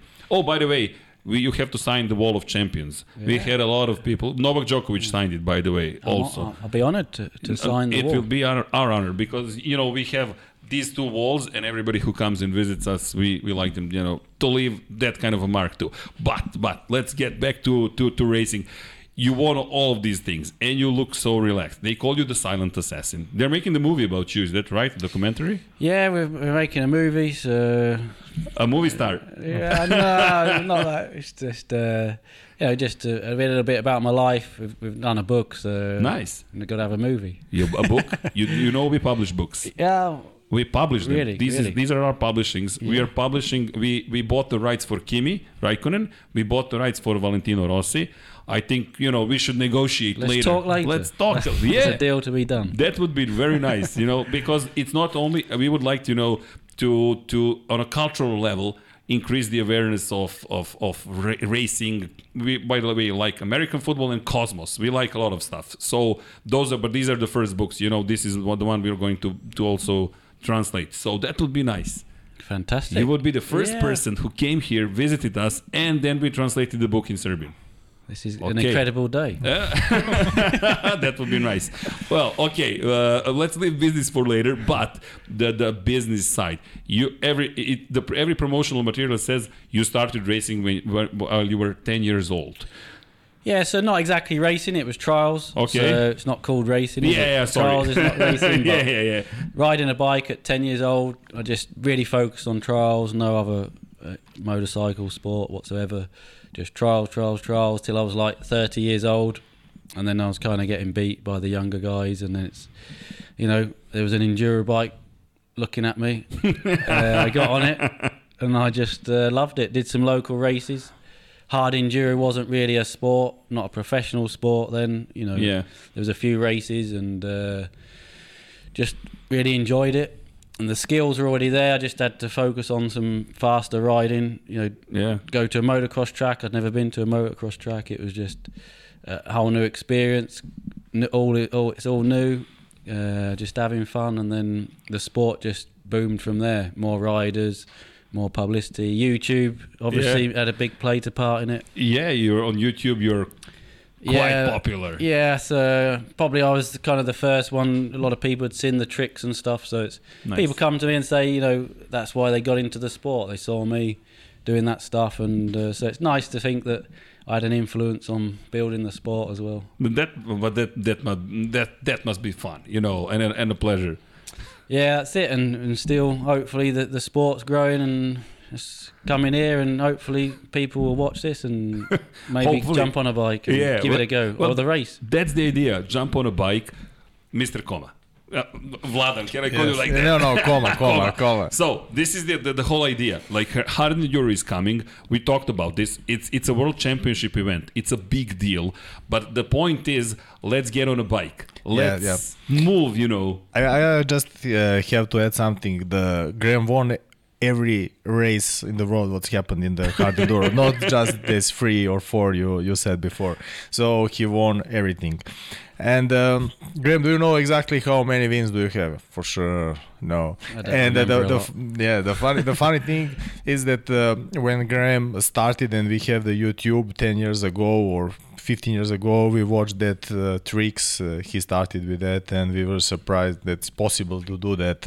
So he first uh, put the trial techniques into the enduro, in the onto the enduro bike. So this is the first guy who do, who did it, and for sure he was for us all all of the world was someone who we want to touch to say. So he was the the king, and still. So the the Graham really put the the that hard enduro sport on the next level and uh, the beginning of the of the racing he made the differences of half of hour or hour uh, to the second place but now the young guys who are who are 20 22 years old push him so it's only the minutes now but Wait a minute. Wait a minute. So you're 46, 47, right? 47 in two days' time. really? Two days until your birthday. Yeah, yeah. Oh, we, we have to give you a present. Ah, we have to make a present. We'll we'll invent something from the studio. But so you're 46, soon to be 47, and. Well, you're saying like guys that are 23 are now making you what ride harder? I don't know. Yeah, it's a tough job, I have to say. Well, I guess I know why you're not retired. Yeah. it's not the time yet. no, still can get good results. Winning's obviously a little bit harder. Uh, Everything has to be perfect on the day, but uh, you know I'm still fighting somewhere near, so it's all good. And you know, inspiring the older guys, hopefully to carry on riding. A lot of yeah. You're a pioneer. You're actually we're pioneers. Like we're talking about pioneers because what we're, what you're doing, you were the first one. We are something of a first one to do it. You're the one of the first one to do some of the things in Serbia. So this is a group of pioneers. Not so juvenile or young, but it's okay. We're young in spirit. well, yeah. Well, it- no, and don't mind us being too relaxed. This is not the way we like to talk. You know, this is just it. But let let me ask you something. What what drew you to trials? Why trials of all the things? I mean, I know it's a silly question, but you know, what does what happens to a kid and says, "I want to do this"? You know, how did you come up about trials? Yeah, I think it's it's quite an accessible sport for kids as well. It's fairly safe. You know, it's a little bit slower riding, but it gives the, the, the young guys, young kids, to the all the controls of the bike. And I literally just saw some people riding near my house in the woods at the back of my house, and just I just wanted to try it. I was on my BMX messing around. I loved bikes and like that. BMX, yeah, uh, BMX okay. So I was doing the, the downhills, uphills, tricks and stuff on that. So a little bit related. You know, you can transfer them skills to a motorbike, trials bike, yeah. and bit of clutch and throttle, and away you go. Did you have any heroes, Dougie Lumpkin or somebody? I don't know. He's actually just a year younger than me. He was my main rival. So, uh, but he wa I did a lot of respect for Dougie. Uh, No, I'm just yeah. following around because Dougie was like the person that you know in trials. Like Dougie was one of, of one of you guys basically that were you know drawing a lot of attention to the sport, and then came the Spanish guys also. Yeah, that's it. So I, I kind of grew up with Dougie riding. So he normally bet, beat me. So you know, I kind of finished my trials career a little bit angry. Sorry about asking the question, you know, but you know, so I, I didn't win so much in the trials, to be honest. So you know, so but I had a, a, a whole new career, and Dougie actually ch- changed to enduro for a bit. So I was kind of thinking, uh, uh, why is he? but you beat him there. Yeah, exactly. so I beat him, and then he, he, he gave up and, and relaxed, and he's got lots of money. So Yeah, I, I think out. he's yeah he's chilling out. Uh, yeah, I didn't have any money, hungry, angry. do you have money now? Everything covered? No, come on, we need to change that. but it, no, it's it's you have your own sports merchandise, right? Yeah, so it's maybe a bit of a transition into uh, the Jarvis brand, my own teams and other That's nice. riders, some Jarvis race gear, different products, and uh, try and carry my name on in the future. YouTube helped. YouTube's been incredible. It's just uh, you know has a big influence, done it to I think we are the old, oldest YouTubers around. like we started We- on YouTube actually we- also. we remember before YouTube. That's how old we are. no, no, there is no before YouTube. So Nothing like, happened. no, no, like, subscribe, visit, vi- vi- visit Graham's YouTube channel. We'll put the link inside if you don't mind, and obviously we'll call everybody to subscribe and follow you. I mean, Thank you. I well, that's it, the, the, the least we can do. But no, no, thank you. So, but let's get back to the to the to the serious part. You want all of these things. How relaxed? You say you're relaxed on the outside, but how do you approach it? I mean, how was the transition when you realized in enduro? This is something you know I can be successful in. I mean, did that even made you more ambitious, or did you say I'm gonna have fun until it lasts? That's gonna be it. Yeah, initially it was just for fun. There wasn't it wasn't a, a career move because there was no career. There's no career. there was nothing there. So you know, I did it for the right reasons. It was just for myself, and still is for me. You know, personal satisfaction. No, but uh, I'm sorry, but what you're saying is one of our mantras. Stay true to yourself and your audience because we are about the audience and we, we, we keep reminding ourselves we are not looking for, you know, stunts that are going to give us, I don't know, viewership or anything like that. No, stay true to the story that we want to say. And this is, this is one of your stories. I mean, it's for us, it's amazing to have you here. And I know you're tired and I'm sorry to keep, but I told you, if Coma comes in, in the studio, this is going to last a little bit longer. So I'm sorry, it's not a classical interview. I hope you don't mind. it's all cool. We're having fun. Yeah, that, that's the No, point. that's. That's the point. Anyway, you said it's, it's it's easy to start with trials, but we are here to talk about enduro. How could somebody start with the enduro now, like even with when, with regards to the age? And I think two opposites, ob- obviously, with, in terms of age: the young people and some people who are not old but over 30 let's put it like that do you see anybody can start now and have fun with enduro racing Definitely, I do the training schools. I got Jarvis signature tours. So a lot of older guys. I say older guys. You know, past. Yeah. 30, if I started at 30 in enduro, so is it late for me i'm 46 never too late. Okay. Uh, you can always learn, and then if you you, you do other types of riding, it's going to help that as well. You know, the, the MotoGP guys, they all do a bit of off road. I wanted to ask you about that. I'm sorry think- to, to part to, to, to, to, interrupt. Uh, well, but that's interesting. Why are they going enduro racing, or why are they flat tracking or motocrossing? How does that develop your racing skills in terms of the the, the, the, the obviously the asphalt? They're like you're going to go and race on something that is going to be completely different. Yeah, that's it. So the fitness aspect of what we do is, you know, it's incredibly physical. So it's it's a good workout. It's better than going to the gym for them guys, and probably it's it's easier than uh, going to a track, you know. And they probably enjoy it a lot as well. It's fun. uh, I mean, your smile says it all. That's it. You know, it's not for the, you go to a track. They know the track, but hard enduro, you go out something new every time you go out. Can I steal your comedic bit? You said that 93 is the year you were born. That's why you're That's what I'm claiming. no, but I mean, Mark Marquez is obviously yeah, wearing yeah. 93, so you two are the same age. but uh, I wanted to ask you with regards to both Marquez and Valentino Rossi. They both got hurt riding an enduro bike. So this is fun, but at the same time, you have to realize it is still a motorbike. I mean, he got hurt. Valentino Rossi, he got hurt before Misano 2017 or 18, and both were riding an enduro bike. So safety concerns should be always there. Yeah, there's always a risk, but what can you do? You know, You've- Nothing. You've, got to train. You've got to take risks. That's it. That's, why you That's have to go to a good school. I'm gonna be fully promotional now. You do a lot of stuff. You you just had a mas- master camp, and uh, we have some footage. Vanya, do we have some footage? Yeah. Oh, we, we have the, the music. I hope YouTube race. won't ban us. won't give us a strike or anything like that. But this is actually from a couple of days ago, right? No, this is from the oh, race. Oh, no, this is from the race. Oh, they sent us a race. Well, it's okay too. I hope Red Bull doesn't mind. You have connections there, guys. So if we get a, a copyright claim, we're gonna call them. But this looks fun. I wish we could show your serious face at the moment. You look like you're analyzing stuff. Are you analyzing now? I mean, just watching this. Oh, it gets me thinking about the race. I should be out training instead of talking to you. Well, this is training, you know, like we're watching video together now. well, this looks quite But uh, impressive. when you say uh, just look the race, uh, it was very fun on his school because he's he had so many experience, and this is the, That's from me. the master class. that's Yes. me smiling. Look, I'm happy. yeah. Next time we'll do this on a motorcycle. yeah.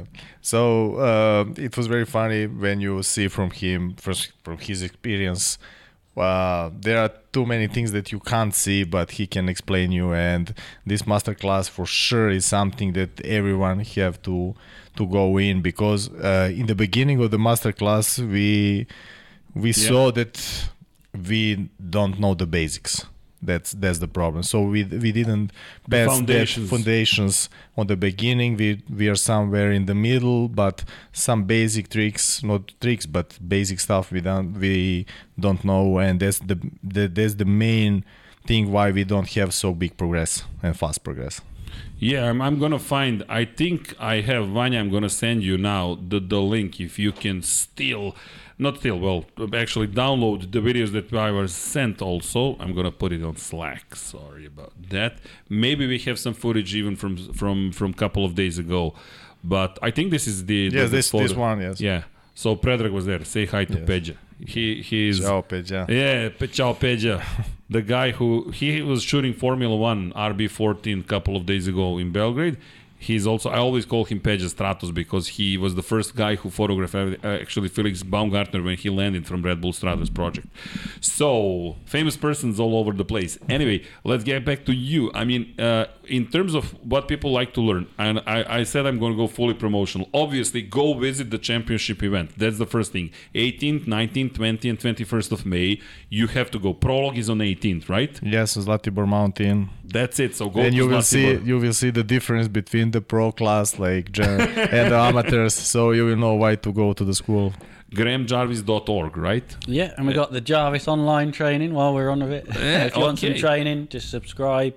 Lots of lessons right from the basics. Jarvis TV also. Yeah, right? Jarvis TV. Okay, no, we'll, we'll we'll try and promote whatever you do because you know that's at least we can do. You know, we'll, no, obviously, and then I mean people can learn also yeah, because I, you know, I like passing on the knowledge. Uh, you know, people to ride safely, get all the controls, and if they're on a road bike as well, it's going to help the the skills as well. You know, it's all control of a motorcycle, so it's just cool. And maybe we we find a, a, a champion as well, and future champions, young Why not? riders. Why not? Any young Why not? riders in, from Serbia want to join the Jarvis team? That's Why not? That's an open Give us invitation. a shout. No, that's it. Well, no, Thank you so much. Uh, what would you say in regards of starting? You know, that's something that we uh, started. So, I, and I interrupted you. F- Sorry for that. But you know, what should I do? Buy a bike? Yeah, so it's, go try it first, innit? See if you like it. Maybe you know a friend, or you can borrow a bike, get a few tips, or come on a Jarvis signature tour. Uh, we got That would be nice. We've got ten locations around the world. Uh, so Romania is probably the closest to you guys. Yeah. Uh, Yeah, you know, actually, Spain, Turkey, Wales, Panama, Nepal, Romania, Portugal, Chile coming soon. My brother lives in Chile, by the way. so I have to tell him, Yeah. you know, go visit Australia, Canaries, and Madeira. That's it. And we're expanding all the time. So promoting the sport, give people the opportunity to ride different places, get people into the sport. It's cool. Yeah, what's with Romania? Red Bull Romaniacs. I mean, Romaniac's obviously one of the most famous. Uh, four days racing, so it's similar format to here. GPS, 130, 150 kilometers a day.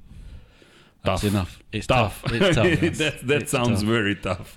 That's nice. But in terms of uh, the tr- track that we'll be having this year, uh, did you scout it, check it out? Saw a few places, yeah. And? So it looks fantastic, enough for the the pro riders, but obviously different classes as well. So different levels. That's the cool thing.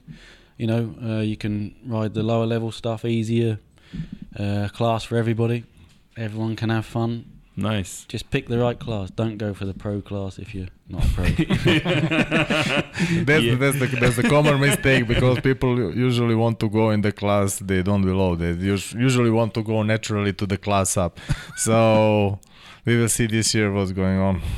Well, that's the stepping. Those are the stepping stones. Then you reach the pro class. Okay, I would ask you so many questions, but you know, I'm, I'm, I'm, I'm, I'll try and just ask. Did I miss something? I mean, we would love to have you like for a couple of hours, you know, but we know you started the day at six ten, Just right? keep bringing the beers and coffee. you can do it. I mean, do we have more beer? Uh, Luca, please, uh, Vanya, don't worry. Uh, don't worry. Vanya is always concerned with me because all of his production scenarios and schedules just, you know, they just get ripped apart because we're having so much fun. Nobody likes the schedule. That's it. Nobody likes the schedule except our producers. But you know, uh, we can have. We can see. Do you want some more also? Of course. Uh, uh, so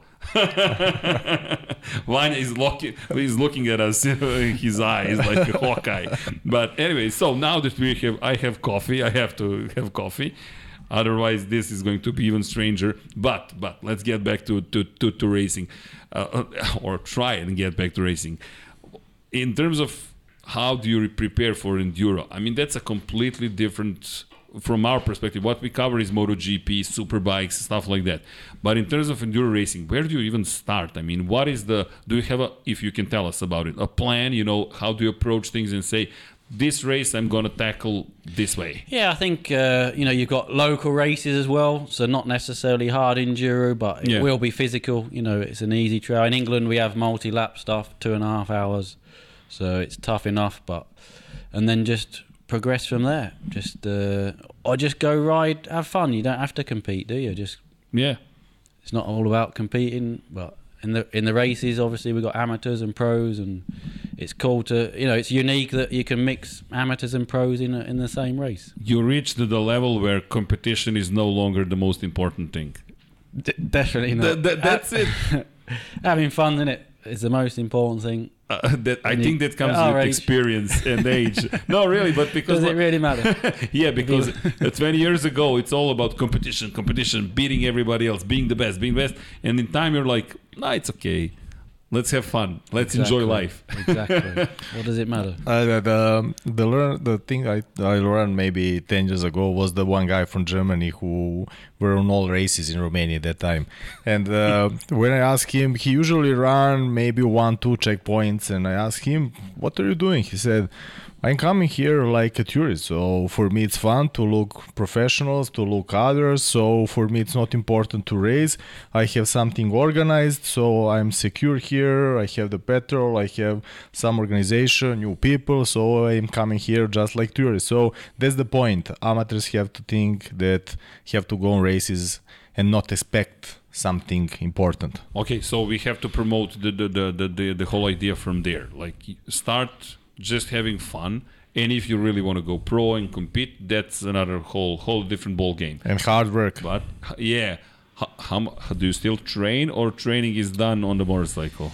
A lot on the motorcycle, but in the gym and just trying to keep on top of aches and pains and all the rest of it. So, the joints. Yeah, you, it's uh, you know physically it's a all-round fitness. You need the strength and you know, obviously endurance and That's Vanya's forte. He's in, into exercising a lot. But what kind of exercises do you do if it's not a secret? Yeah, so uh, it's literally all round, but depends on your on your body type. I would say, you know, but you know, I push some weight, like do some heavy weight, build some muscle. Bench? Try, yeah, yeah, yeah. I don't know, not too. I'm not na- naturally Yeah, big, yeah, so but uh, just push your own limits in it, like on the bike in the gym. Running, stuff like that. A little bit of running. The knees not t- don't like it too much, but. BMX, then BMX. Well, my BMX days have gone. Yeah, but I see a lot of MotoGP riders going cycling also. Like that's something that you know stamina and in terms of aero- aer- aerobic training, right? Mm-hmm. That's something that they do a lot. Do you do that? Yeah, definitely. I mean, we're going. I've had races up to nine hours. It's, Wow. it- it's but you know, it's crazy. then it becomes a mental battle. It's like you just got to keep going. Yeah. going. But four or five hours is good. So that's enough, I think, for a That's race. Ironman challenge basically. Did you ever think about going Dakar or something like that? Yeah, definitely uh, something like that. Just to say I've done it, an experience would be cool. You know, riding a bike would be. Who Just knows? finishing the event, I mean, is is a big deal. Yeah, just to say you finished it, you've been there, different countries. I love a new experience. It's cool. Maybe driving a car would be better at my age. With age, get a cage. But would you go in a car? I mean, would is that something that you know are drawn to just the speed and the motion, or it has to be two wheels? Yeah, and... I'm already training. I've got a buggy in Really? Spain. Ah, I'm just waiting for an offer. Okay, okay. So we I need can- to promote this. I can do that till I'm 60. Easier on the body. Yeah, well, that's for sure. you know what? But that's fun. Do you watch other forms of racing? I mean, do you find that you know to, to is that fun for you, or you just like being on? Yeah, I. I watch other sports and mo- anything motorcycles. Obviously, if it's a, if it's an exciting race, it's cool, is it? British superbikes. Yeah, I watch anything if it's on there. I wouldn't say I'm like really into it. you Watch have it every a time, schedule, but but if you ca- if it, it, if it's there, I'd, I'd watch it. and football. I mean, European football, obviously. Football, football. A little bit of football, Manchester United. Oh, okay. yeah, we actually one of our hosts is a big Liverpool fan, and if you turn around, I'm not sure you're gonna like what you see, but I don't get emotional we can it. edit so- it out. no, there's a Liverpool flag over there. They put it not- there, so. Uh, I didn't know this. The next time we have to check is somebody a fan of a football club. so, yeah, but uh, if you're not too emotional about it, it's just good fun. I mean, this is. I mean, we have lots of, as you can see, stuff from American football, motorcycle racing, Formula One, etc. Do you watch Formula One? I mean, Yeah, yeah. If, If you catch if I got long on the weekends, I'm busy, but yeah, yeah everybody's busy with with with formula with actually weekends. The weekends for us are the the working days actually. exactly. No, it's it's okay. That that's that's fun. Uh, let's get back to to motorcycles. So if I want to go now racing, what should I buy? Husqvarna. Okay, it's okay. I don't mind. Everybody rides 300s in the Yeah. 300 two strokes. So it's a bike to have, but you know, 250s, 150, yeah. whatever you like, whatever floats your boat. It's not about you know big power. We nobody really rides big four strokes. They're kind of a little bit too heavy. So get a two stroke. Yeah, that's what I wanted to ask you. Actually, I spoke to Ricky Carmichael like five years ago and asked him two strokes or four strokes, and he was like, "Eh, four strokes. I said why, and he said the torque. Yeah, people always keep asking me as well, two stroke, four stroke, but in the technical riding for us, it, it just feels a little bit heavier, the, the four strokes, and two strokes more react a little bit quicker, lighter. I'm I'm I'm about I'm a little bit keen about two strokes. I believe that the technology was just um, left, you know, not developed enough. I think there there are things you can do with the two, the two strokes. Well, we've got still. the TPIs, that's been a step Yeah. forwards. So, That's nice. yeah. But that's a- can. I, I watched the Evinrude, the the, the the the the boat engines, and they're two strokes, but they're like super complex. But I like two strokes. We're tuning them with a laptop. Uh, yeah, that's nice. no, no, that's nice, and and obviously the the smell. I love the smell of two strokes. I don't know about you guys. Actually, we bought an old Aprilia uh, 125 uh, road bike, which is a two stroke, obviously. It's from 1997. And, you know, that sound of a two stroke, it's still so much fun. So uh, that's the answer also. Two strokes. Nice. Thank you so much. And with regards to Husqvarna or whatever, KTM bought Husqvarna, KTM bought Gas Gas, KTM bought almost everybody. CF Moto, they bought also. Actually, their partnership with CF Moto, you know, and they're pushing the brands in, in MotoGP, in Moto3. So it, it, it, it's all like relatable. Cool. Well, I like that. so you travel around, ride bikes, have fun. It's a tough job, but Yeah. somebody's got to do it. That, no, that's really so much fun. Uh, with regards to your competitive career at the moment, are you still competing all over the place, or just selecting some of the things that you? no, the idea is to do a full championship. I've just uh, had knee surgery. I got, Oh. yeah, I got middle of last year. I had a knee injury How it in? Romania. So just it wasn't even a crash. Just put my leg out. Just unlucky. Twisted my knee, and then uh, six months out. So still not perfect. Ligaments, I presume. Yeah, ACL. Yeah, So- anterior cruciate ligament. Yeah, the so infamous one. Yeah, it's not a good one, but we're Yeah. back. Uh, first round we had a podium, so we're not too far off in Israel on the podium. Nice. Happy. So still going. still there, still So- here. I- So to answer the. Google's question, are you retired? No. Coming soon, maybe. In in the autumn of my career, maybe. Uh, yeah, I don't think so. You you have such a smile, like your eyes are alight when you talk about motorcycling. The other stuff is like, okay, we have to do this part, but motorcycling, I think it, it that's the way it looks from from my perspective. Like it, maybe fun. I just carry on riding for fun, even if I can't win. That's super Why cool. not? And master classes. No, and I, I wish Vanya, did you get a chance to see the, the, the Slack that I sent? If you have those And then pulling it sideways, get your body on the inside as you're pushing down, pull it round, and then you've got to feed the clutch in to get as the back wheel hits the, the log, just extend your leg a little bit just to take the weight off. You should be able to get over. Movements to, to manoeuvre the bike rather than using the engine. So if you rely on the engine, Oh, that's interesting. you know, people get a little bit out of control. So so suspension is the key. exactly. With regards to your suspension, is that Yeah. the knee you're hurt? The left one? Yeah, the left one. That working looks- well. It's working look well. how flexible I am. WP. Yeah, so you, you've got to lift the front, you've got to push down on the suspension, get the rebound. You get the rebound basically. So you're just Yeah, yeah. that's interesting. Lifting over a log. It looks so easy when you do it. It uh, can- Everything is look easy. yeah, it's that's how you know somebody's best at something because you think you can do it yourself like immediately. Just sit on a bike and do it. We have some footage if we can show it of other people trying this. I'm not making fun of anybody. I'm just trying to. no, no, really. We won't laugh. No, we no, promise. no, no. We won't laugh. I'm just. I just want to show. It looks so easy, but you know, Uh, the, to have the confidence and then to, to you know look at the, the left the left leg. Where do you put it?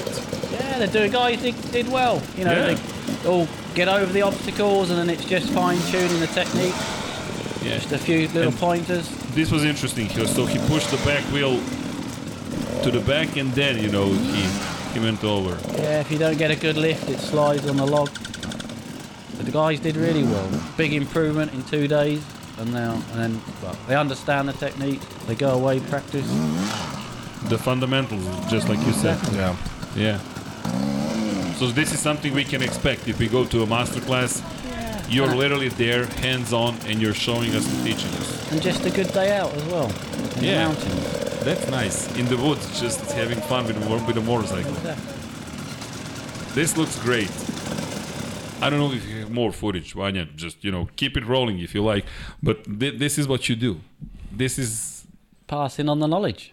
That's Cool, great. yeah. Inspiring people. How did you acquire it? Through trial and error, or did somebody teach? Uh, yeah, mostly just uh, learning as a kid. I think on the trials bike, just go ride, ride, ride, and then but to teach the guys, you know, I've had to kind of think what actually what I'm doing. A lot of it I do, do I do Yeah. naturally from just riding, but you know, I kind of think and then break the techniques down, and seems to be working good. Oh, nice. So basically, you do something and then you're breaking it down. Yeah, I, I've kind of done what the, the obstacles, and then I have to think, you know, what am I doing with the clutch, legs, suspension, and then explain it to the guys. So it takes a bit of experience, you know, how to explain it to to the guys to get it across well. But I've been doing it a lot of years, so you know, I think I'm I'm pretty good at it. If I do say so myself.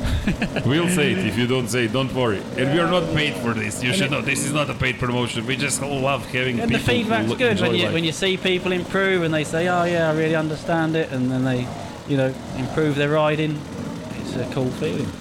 No, but this is amazing. This is completely different to riding by yourself. You know, now you have to something that is intangible, basically pass on to other people, which is a masterclass in its own. And I'm not fooling around. I'm not telling you because you're here. I wouldn't tell you. Trust me. Th- that's amazing. Some of the guys they haven't even really really thought about the techniques. I don't think so. They just start to think differently, and uh, you know, send them in the right direction. They, they start to think about the technique more. Do you feel that people are ma- sometimes scared about making something more official or too formal and they are scared that they will lose the feel for it if they explain to themselves how do they feel it?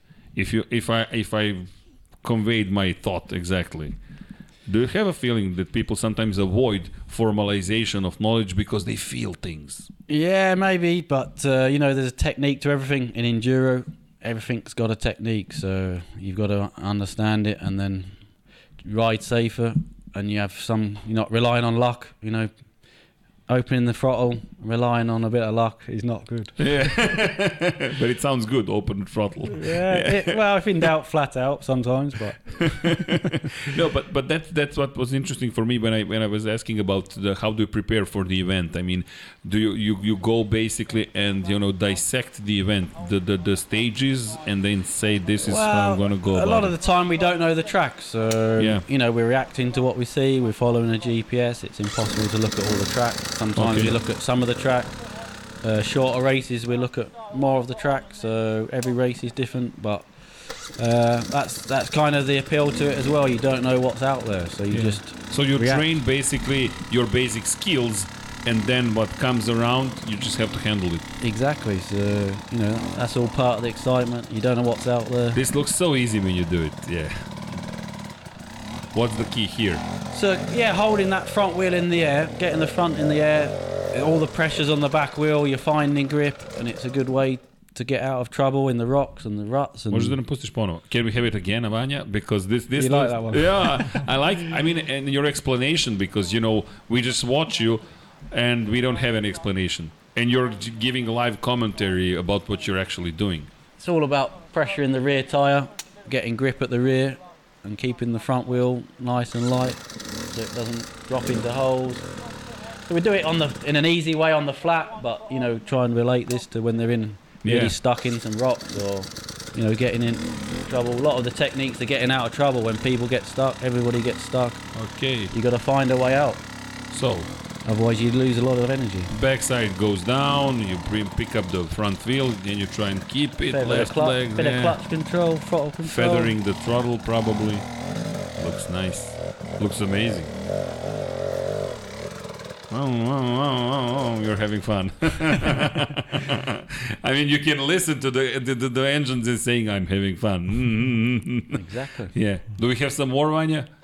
You, you, you have to know we are we are just fanboys basically. Not that yes we are journalists, but we are mostly fanboys. We just love this, nothing else. Something else in store for us, Mr. Producer? Thank you. Oh, so this is interesting. So now that you look at somebody, you pro- do you dissect their technique also and tell them what is Yeah, incorrect? exactly. That's, that's, uh, you know, explain it, demonstrate, watch the guys, give them some tips. Okay. Sometimes they obviously they can't see themselves from the outside, Yeah. so I can see normally this see is- what thi- they're doing wrong. This uphill is very fun. because uh, when we stopping uh, down the hill and looking up, we just see the hill, and we think he just opened the throttle, but then he stop there and say, "Look, this stone you have to go left, and then you have to go right, then you have to do this," and we said, "Oh." He made a story from this 100 meters, so he can see from his experience what we can't imagine. You have a radar. Topographic radar. nice. The soil, everything he can see. Well, I don't want to keep you waiting. Any, we'll keep you any longer. I mean, I I think uh, how long have been we have been here, Vanya? Forty minutes. Sorry, we That's the record for me on the interview. well, I hope you liked it so far. You know, yeah. I mean, we like talking, obviously, but you know, this is this is amazing to have you. You know, give us this kind of information, and feedback, and to have you present. It's it's a huge honor for us. And yeah, cool to meet you guys. Come to Serbia. It's been a great experience. Should- I'll be back soon for the Yeah. race and hopefully after again. yeah, we'll Keep we'll- coming back. uh, that that would really be nice. And uh, I'm gonna do it again. Like everybody who wants to learn more, you know, we'll put the links uh, in the video about your YouTube channel. I don't know about the TV. Where does it link to? But it doesn't matter. On YouTube, you have so many so many things that you can see. So Graham Jarvis, ladies and gentlemen. The, the man who uh, officially or unofficially won everything basically that's that, that's what well, that's what they say the king of hardened euro and the silent assassin so thank you for for being here uh, It Thanks was- for having us. Been no, fun. No, Cheers. no, it's been so much fun. Mr. Koma, we'll proceed with our live edition. This was like a segment within. I hope it's a segment within. I don't know what we're going to do because this is so much fun. We might do this like uh, like an almost independent video. Who knows? You know how it goes with YouTube. You do something and you're like, maybe we can do something else with this or something like that. yeah. And if you see yourself on social media, well, don't be surprised. We'll be probably promoting whatever you do. And go visit the master camp and go learn to ride safely motorcycle and have fun. Two strokes, four strokes, whatever. I think you had a lot of life philosophy here. Just enjoy. no, really. That, Have fun. that- yeah. Enjoy. Thank you so much. Cheers. Cheers. Pa nadam se da ste uživali, eto čuli ste gospodina Jarvisa, završili smo sa šalama, godinama i tako, videli ste jednog velikog majstora svog zanata u u recimo okruženju koje nije prirodno njegovo okruženje. Da, zanimljivo za Grema da je on uh, kada govorimo o njegovim gostovanjima, on je uvek imao problem sa kamerom, sa tim gostovanjima, sa uopšte intervjuima i tako dalje. I možda nije ni doživeo popularnost koju bi realno mogao da ima da je bio malo pričljiviji, da kažemo i slobodniji. Definitivno. da, da. Ali kako je on lik specifičan za onako uopšte, on je, on je jednostavno fokusiran na, na, na te trke ceo život svoj bio. Govorimo sada o čoveku koji se trka 40 godina. I kada su bili deca, zanimljivo recimo u tom trajalu, pošto u Engleskoj trajal je, da kažemo, kruna, Ono što smo rekli, to je kruna, to, to je tako to, je, to, je to.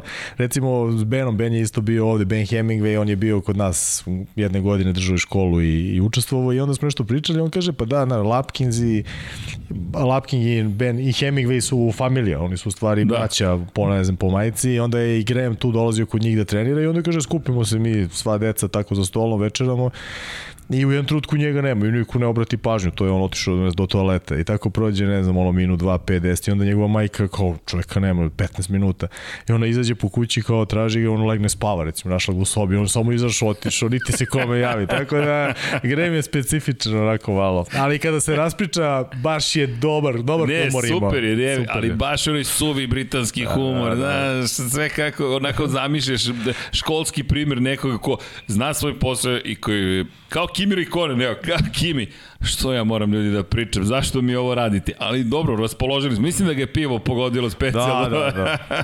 Dobro to, mu je došlo. To je, to je bio pravi trenutak.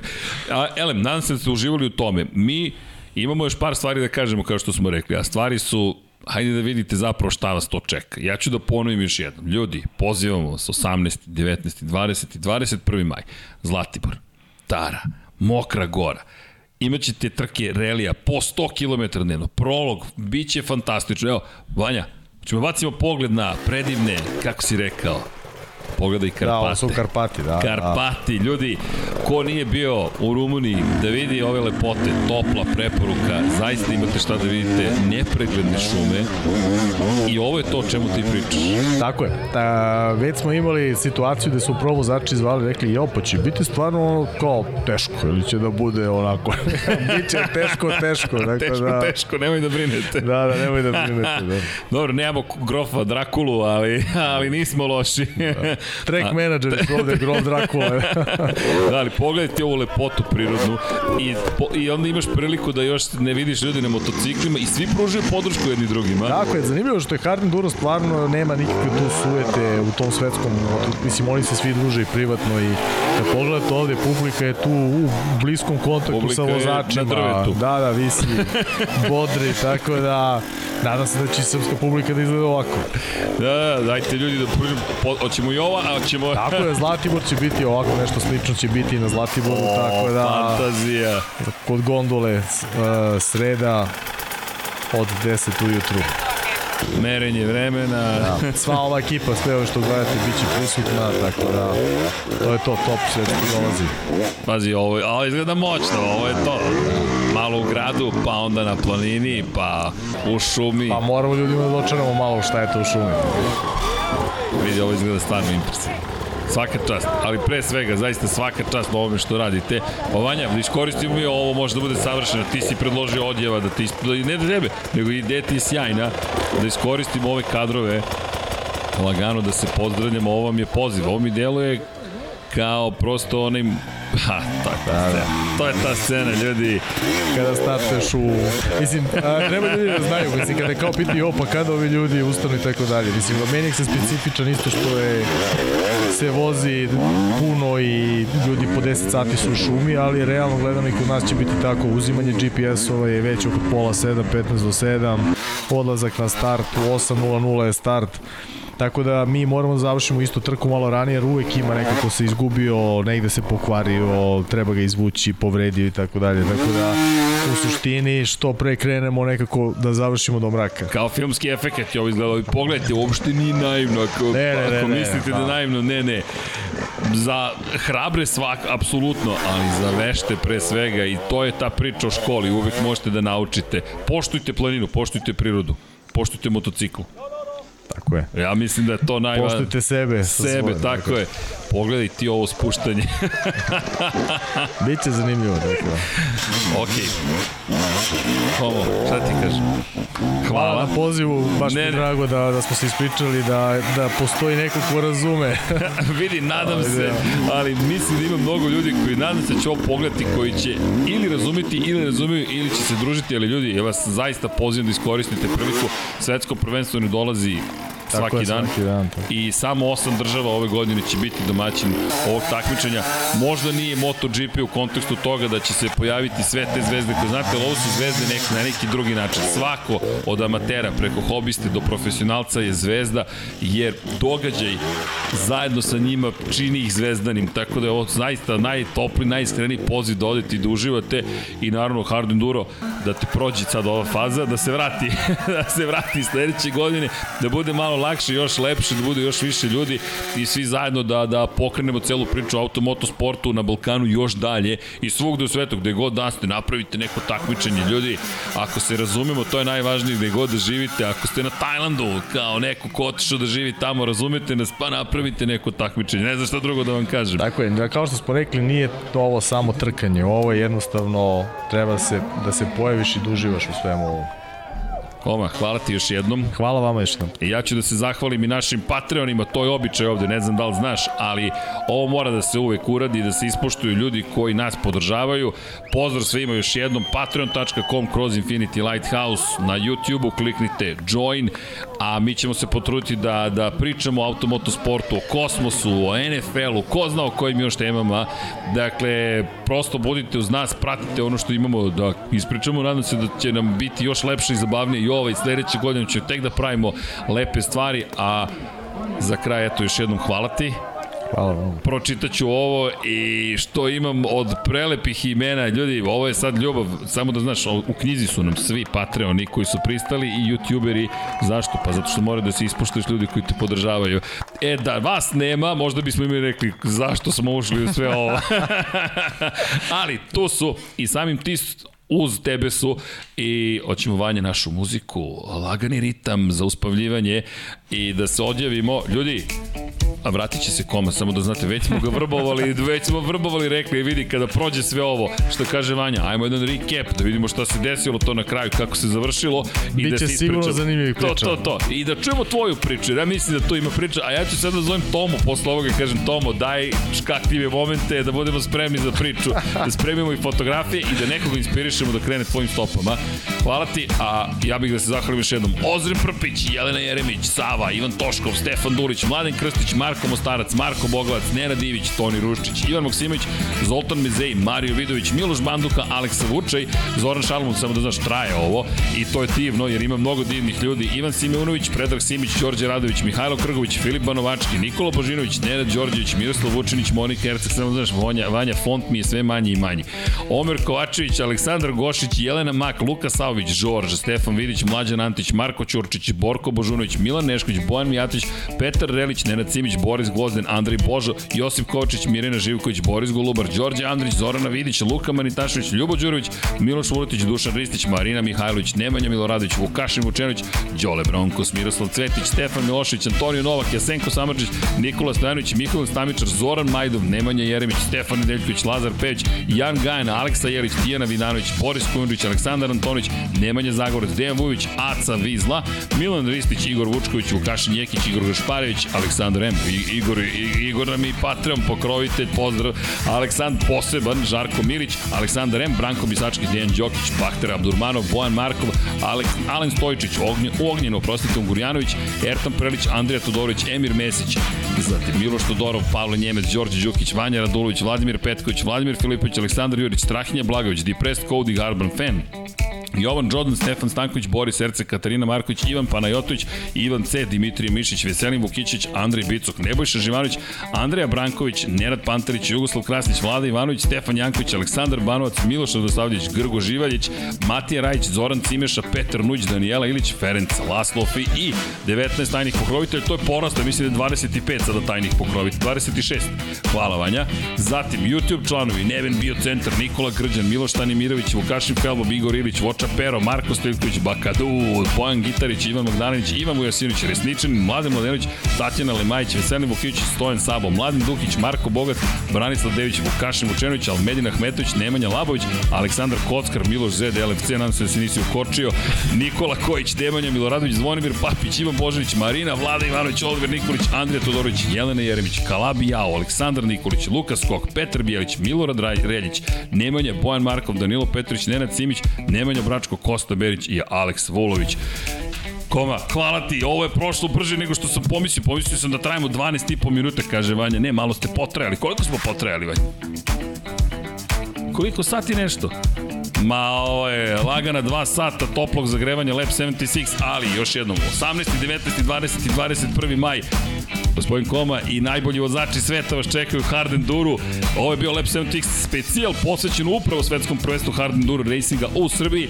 Mi vas pozivamo gde god da živite da se pojavite i gde god da se drže takmičenja po, bilo gde po svetu, pogotovo na Balkanu, treba nam da se sve to podigne. Budite tu, a mi vas pozdravljamo i znaš kako se mi zdravljamo se? Ćao svima, hoćemo na 1, 2, 3, ćao svima. 1, 2, 3. Ćao, Ćao svima! svima.